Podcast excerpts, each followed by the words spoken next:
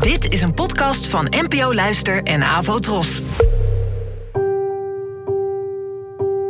Poëzie vandaag. Met Ellen Dekwits.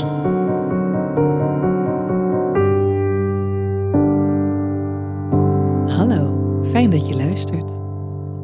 Het gedicht van vandaag heet EHBO, Eerste Hulp bij Onschuld, en werd geschreven door de Vlaamse dichteres Runa Svetlikova, geboren in 1982. EHBO, Eerste Hulp bij Onschuld. Sinds je spreekt en al mijn woorden naar me terugwerpt, kan ik niet anders dan bekennen dat wij niet meer zijn dan een vage benadering van wat wij willen zijn. En nu je leest en het laatste recht op onbevangenheid kwijtspeelt, hoor ik mijzelf voorzichtig suggereren dat werkelijkheid een vloeibaar begrip is. Dat wij in cirkelredeneringen wonen, dat spreken baren is, dat woorden of kinderen geen goed of slecht, maar eigen leven leiden en dat ik mij misschien ook nu vergis. Nu je ons dagelijks in vraag stelt, kan ik niet anders dan bekennen dat je gelijk hebt. Dit baren is buitensporig, maar ik neem geen woord terug.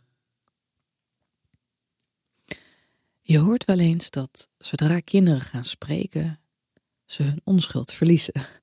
Opeens slaan ze hun opvoeders dan met allemaal vragen en tegenwerpingen om de oren. In dit gedicht verliest het kind door de taal de onbevangenheid en de ouder de zekerheden, nu alles door de kleine in twijfel wordt getrokken. Taal is een geweldig hulpmiddel voor de mens. Maar niet iets dat je, zoals de titel stelt, kan inzetten als eerste hulp bij onschuld. Juist omdat je die onschuld erdoor lijkt te verliezen. Het is gelukkig wel weer een kleine troost dat de taal dan dit soort gedichten weer oplevert. Een beetje poëzie mag wel wat onschuld kosten. Bedankt voor het luisteren en tot de volgende keer.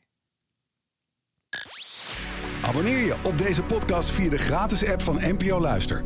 Daar vind je ook een handig overzicht van het complete podcastaanbod van de NPO. Afro Tros, de omroep voor ons.